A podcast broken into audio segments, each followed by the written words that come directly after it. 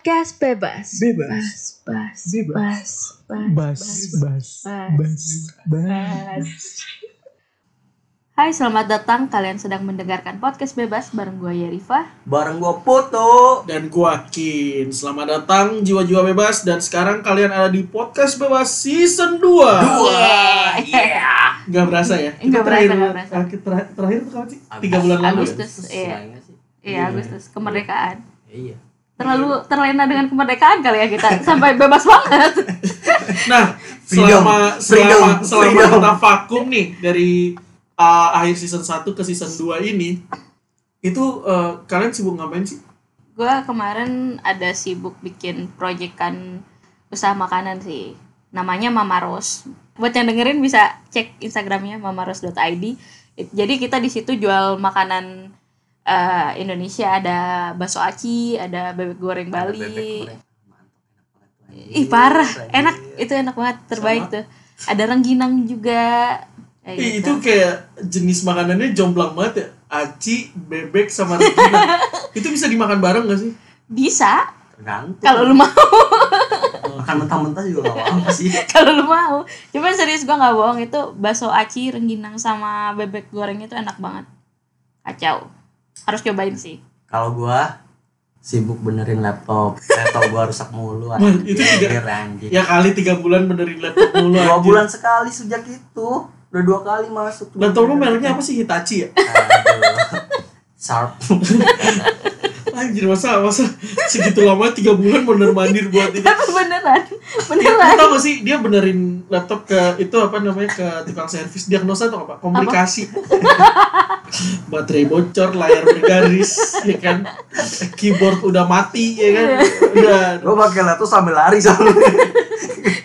tapi itu bener dia pernah lagi lagi ada acara run perusahaan acara run perusahaan terus tadi bawa laptop Kenapa ya gua gitu ya? Ya udahlah ya. Kalau gue bilang sih itu karma sih lu sering sering sering pakai laptop lu untuk menonton yang tidak tidak. ya yang tidak tidak bersih. Yang telanjang telanjang kan suka National Geographic kan. iya telanjang telanjang semua. iya Iya. Nah kalau gua, gua itu eh, ya biasalah. Hidup sehat, gua sibuk yoga, pilates, eh, gua. di mimpi dan angan-angan olahraga olahraga gue paling olahraga golf catur. Alhamdulillah ini ya berat badan gue udah turun nih 3 ons. Dapet enggak pasti enggak enggak enggak. Lebih berat bebeknya Yeri Pak. Iya gue gue makan bebeknya Eri pak. Hilang semuanya. Tapi bebeknya enak banget kan? Nah di episode pertama season 2 ini kita mau ngomongin apa nih guys? Ngomongin tentang skills. Oke skills. Skills. Skills. Skills. Skills. Skills. skill yang bau di bawah lu itu. Ya Itu skill ibu. Jadi eh, kita mau ngomongin skills ya. Kalau misalnya kita ngomongin skill skill itu sebenarnya ada dua. Ada hard skill sama soft skill. Bedanya gimana? Kalau misalnya hard skill itu yang langsung eh, kerjaannya eh, kemampuan untuk melakukan sesuatu mengerjakan sesuatu gitu keahlian. Apa tuh? Contohnya misalnya hmm, accounting bahasa Iya. Inggris juga bisa terus kalau misalnya si soft skillnya sendiri itu lebih ke yang dari personality orangnya kayak misalnya dia emang bisa bahasa Inggris tapi how dia ngomongnya Ah. cara dia berbicara itu kan skill Intonasi juga bicaranya. iya kayak misalnya kayak gue kan skill berbicara gue oke lah ya Enggak ya? Iya sih. Nggak, iya, iya, iya, iya, iya, iya. itu, doang kelebihan lu udah. Sisanya kurangan semua. Kita fokusin nih eh, kita ngomongin skill terutama kan karena kita bertiga ini perantau ya. Eh, gua dari Indonesia bagian tengah Lu Yerifa timur nyet. Barat gua kan Nusa Tenggara Barat. Iya kan gua orang barat tau. Dia juga lu juga orang barat kan? Jawa Barat. Iya sih. Nah sama Putu ini dari Togo Jelas-jelas putu anjir. Putu dari mana lagi dari namanya juga ketahuan Batak Enggak ada yang Putu si butar-butar Bali dong. Iya, Bali iya. oke. Oke, nah kita ini kan selama jadi perantau ini ya, terutama usia kita nih milenial ya. Eh, apa sih skill-skill Emang lu sebenarnya? Masih masih masih. Oh, masih.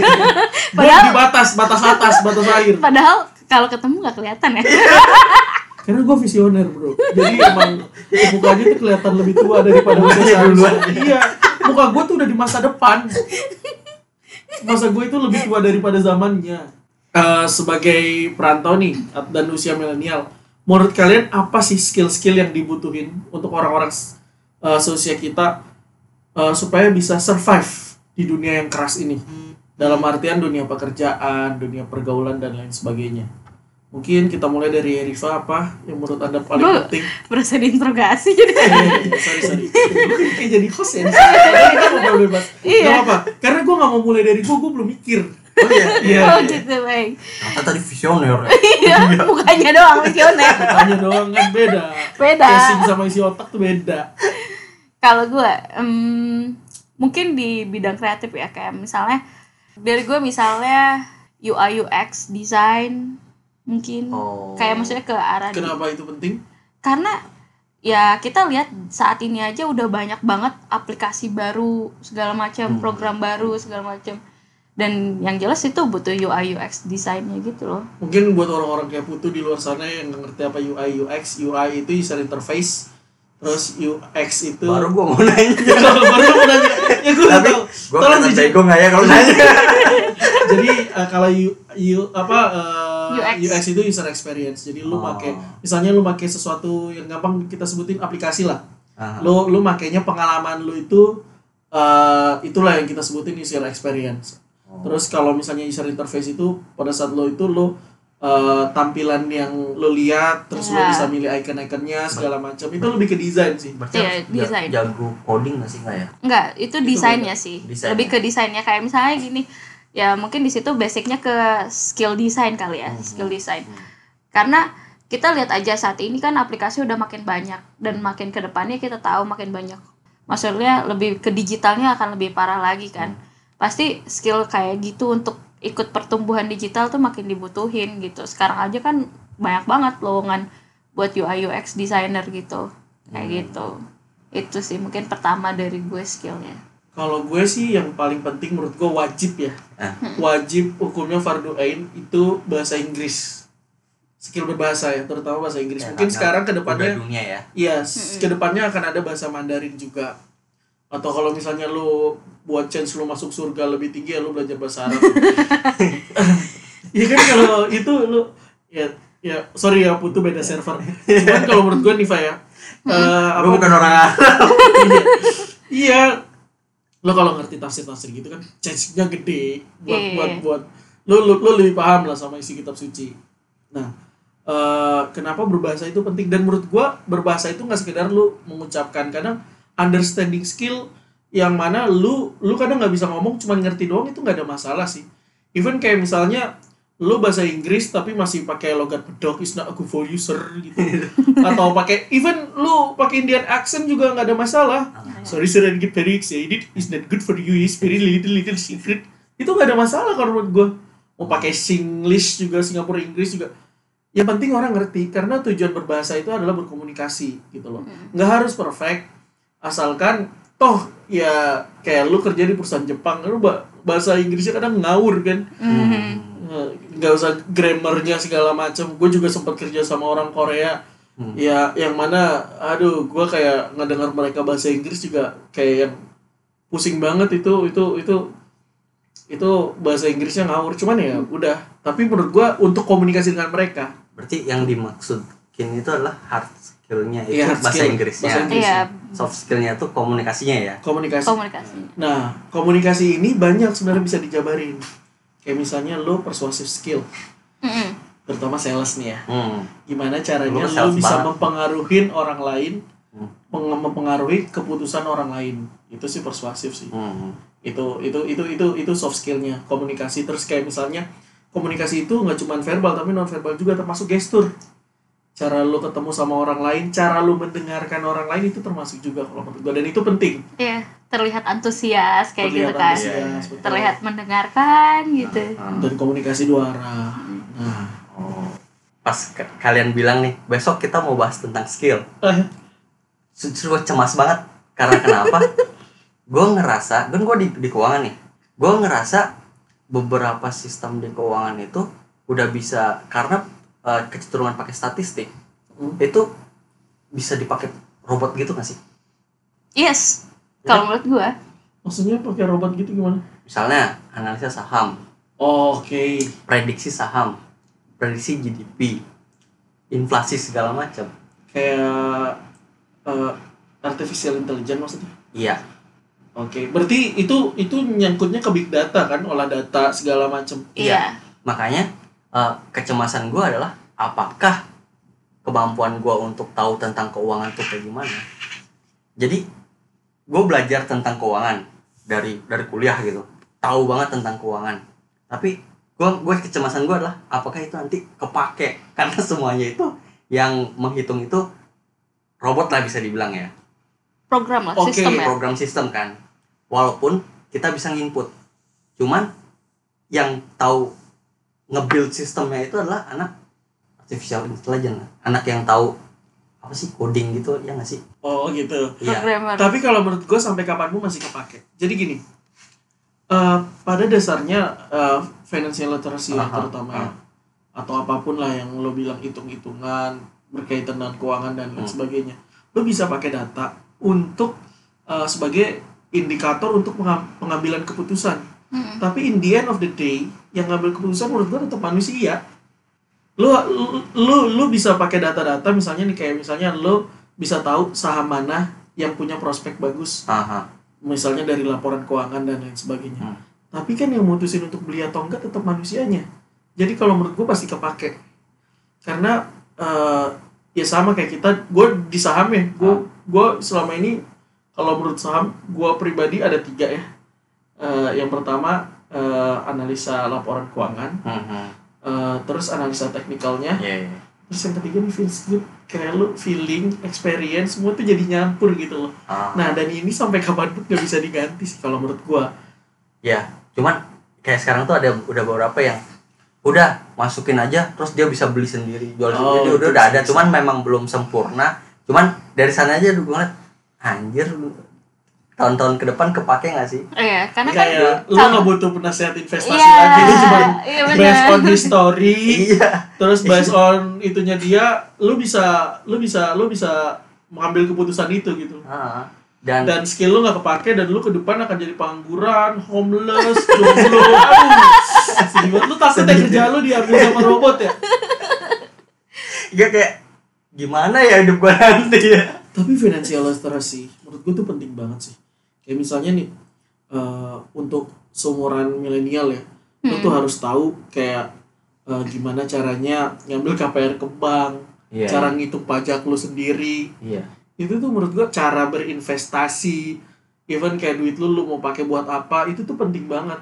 Karena eh, kalau misalnya financial literacy lu bagus, goalsnya kan untuk financial freedom ya Hmm. untuk lu apa bebas merdeka secara finansial. Mm. Nah, itu kan apa namanya butuh banget dan sebenarnya masih banyak yang sumuran-sumuran kita itu justru ya untungnya trendsnya naik ya. Apalagi eh, apa namanya? Kemarin gara-gara ada case apa Yang Joshua, Joshua. yang Iya. dia ngobok dia ngobok yang pakai saham luck tuh. Ah, ah. Nah, itu menurut gua sih eh, awareness orang untuk belajar Iya. finansial tuh lebih bagus sih.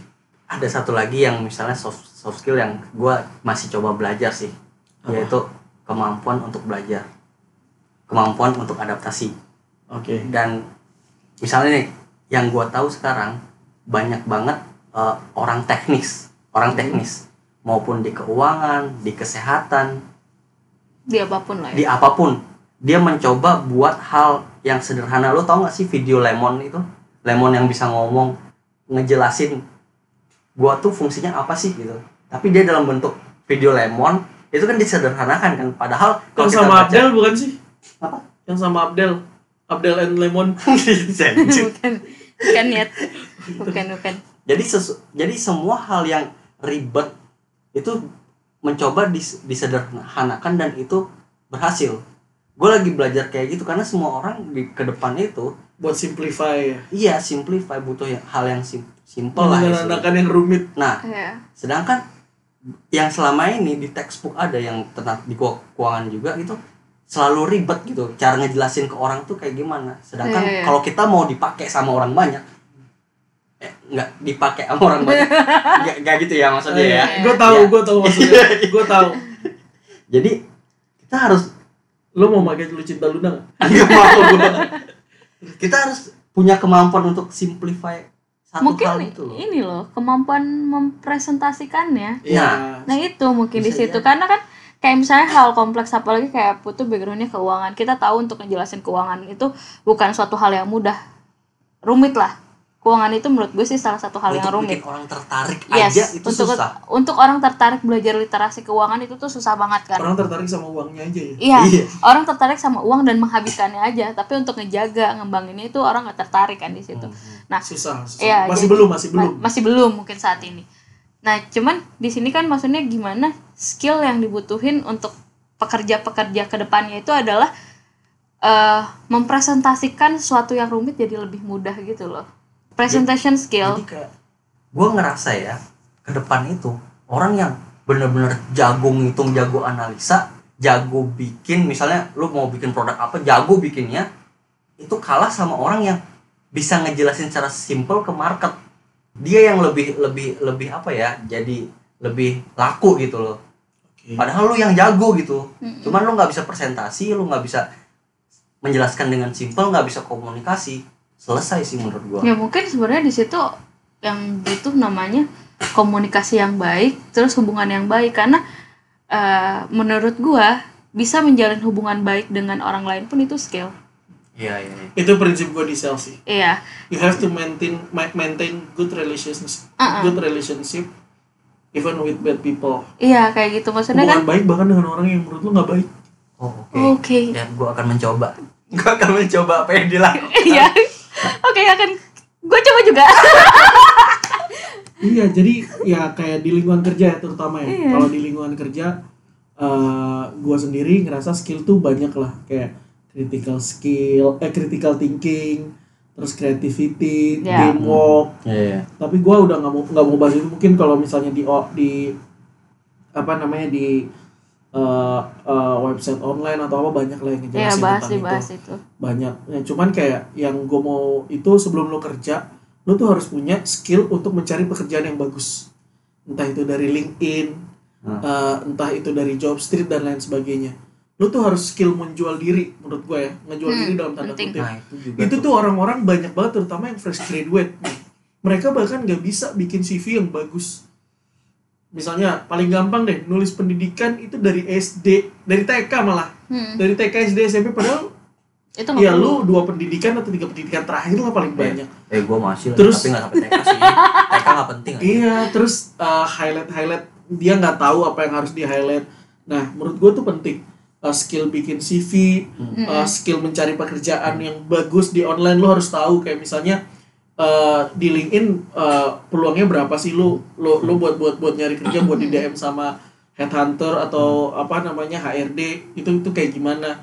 Terus kayak misalnya skill negotiation skill di pada saat interview interview job interview juga penting. Kayak misalnya uh, nggak cuman lu datang tepat waktu terus lu bersikap attitude lu bagus uh, lu bisa jawab nggak cuman itu? Lu harus tahu dalam setiap pertanyaan tuh yang di ya, jawaban yang menurut lu diminta tuh apa gitu loh. Hmm. jangan sampai pada saat ditanya kekurangan lu apa? Lu jawabnya uh, kekurangan yang lu udah bawaan orok pelupa kurang teliti. Kan itu itu itu kan sesuatu yang menurut gua Iya. konyol dan banyak fresh graduate yang yang yang nggak tahu itu gitu loh. Intinya Terus- nggak mu- nggak muter-muter lah ya pada bahkan bahkan gak cuma fresh graduate. Gua ngerasa orang-orang yang udah kerja pun dia tuh nggak tahu kayak ngejual ngejual dirinya menjual. pantas tuh berapa Iya. kayak misalnya menurut gua lu tinggal nyari eh, di job street kan biasanya ada tuh range range itunya Hmm.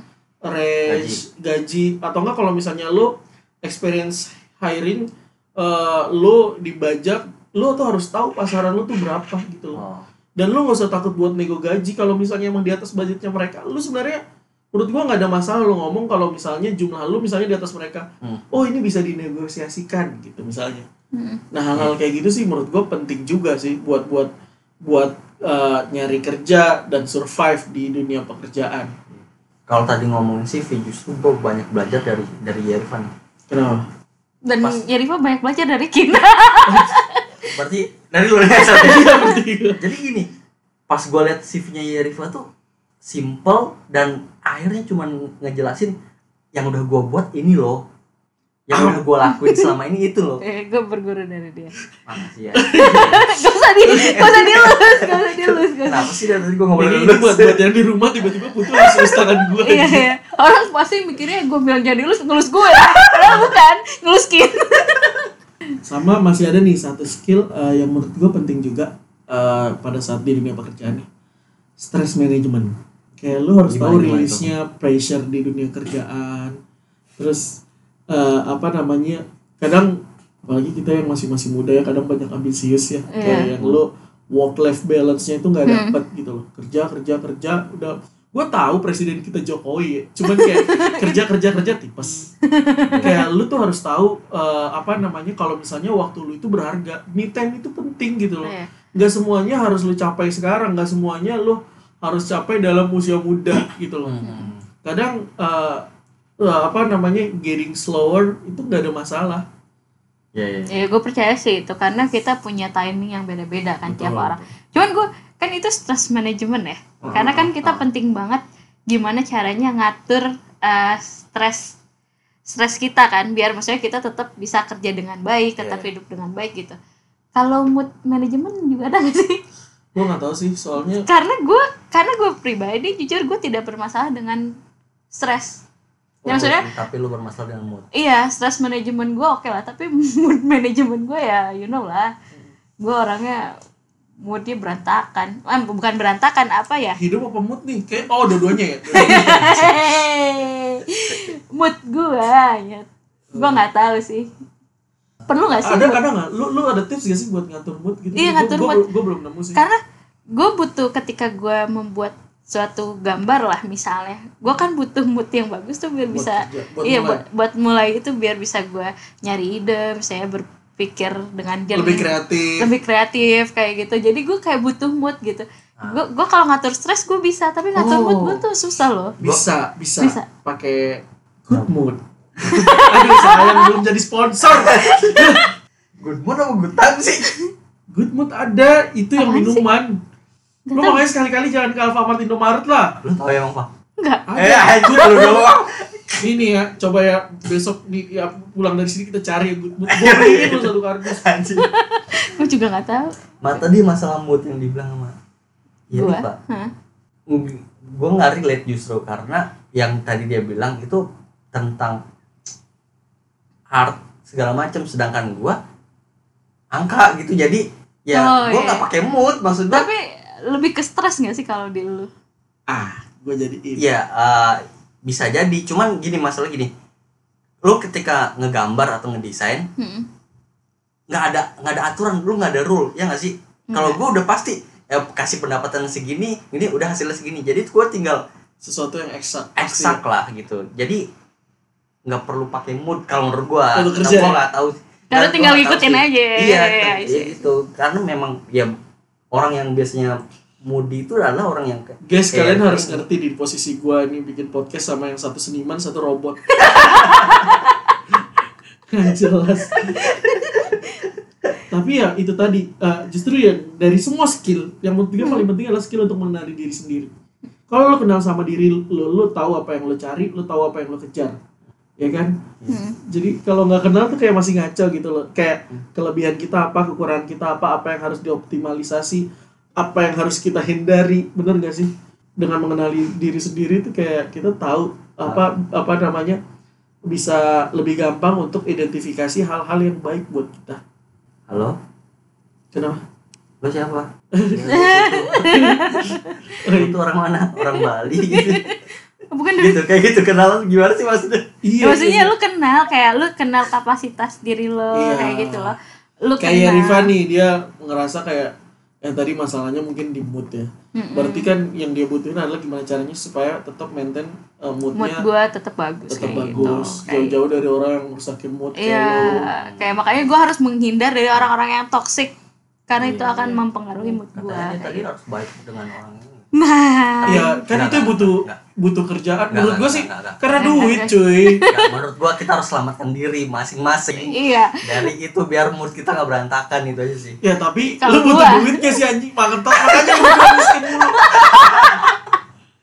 Iya gue kerja keras karena gue tahu gue miskin gitu ya status lo iya sih ya, lu harus kerja Iya. ya itu sih. Paling dari dari gua sih itu sih skill yang menurut gua wajib dimilikin eh, untuk milenial terutama Hmm. ya seumuran kita untuk bertahan eh, survive di kehidupan ini iya Sri ya yang tadi gue bilang gue lagi belajar juga sih yang gimana caranya simplify bikin video biar menarik Ya, biar orang mungkin- tahu gitu. buat konten jadi hal ini ya Iya. skill baru buat ini tapi kalau emang paling gampang sih kalau bikin konten video yang meledak sih lu, lu gue sering belajar sama temen gue deh si Vina Vina Garut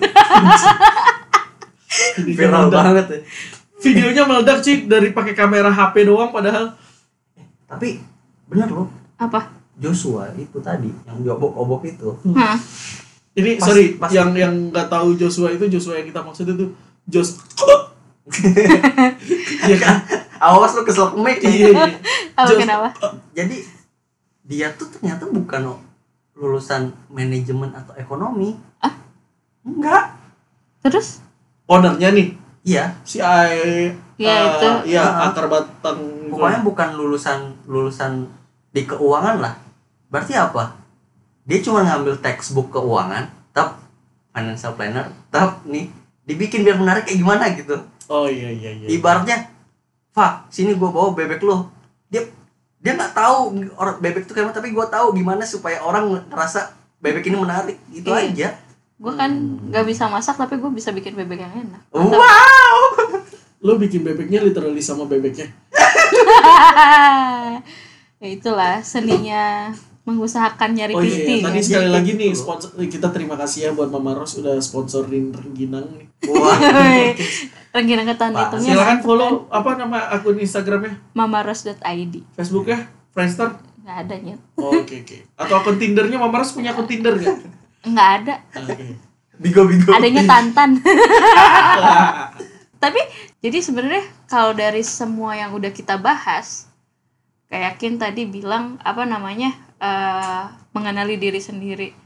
Selain mengenali diri sendiri juga yang penting bisa menerima diri sendiri sih. Oh iya. Karena berdamai skill, skill. Iya, skill untuk berdamai dengan diri sendiri ketika misalnya lo ada di lingkungan kerja yang misalnya harus bersaing atau gimana, gimana cara lo berdamai dengan keadaan. Iya. Intinya lo harus bisa berdamai dulu Nah, sih dari diri ke sendiri. tadi tuh stress management Iya, itu itu itu penting banget sih menurut gua. Dan kalau misalnya ngelihat dari industri saat ini, perkembangan zaman saat ini dan ke depannya, gua rasa makin ke depan kita akan semakin dekat dengan yang namanya teknologi gitu, dengan yang namanya digital. sekarang aja Udah. kita udah hidup di teknologi Iya, dan- bagian dari itu iya banget udah udah cepet banget dan mungkin akan lebih cepat lagi dan lebih gila lagi ke depannya dan kayaknya baru kemarin gue login akun Friendster sekarang udah Twitter udah ada flip. Eh itu udah berapa puluh tahun lalu bapak.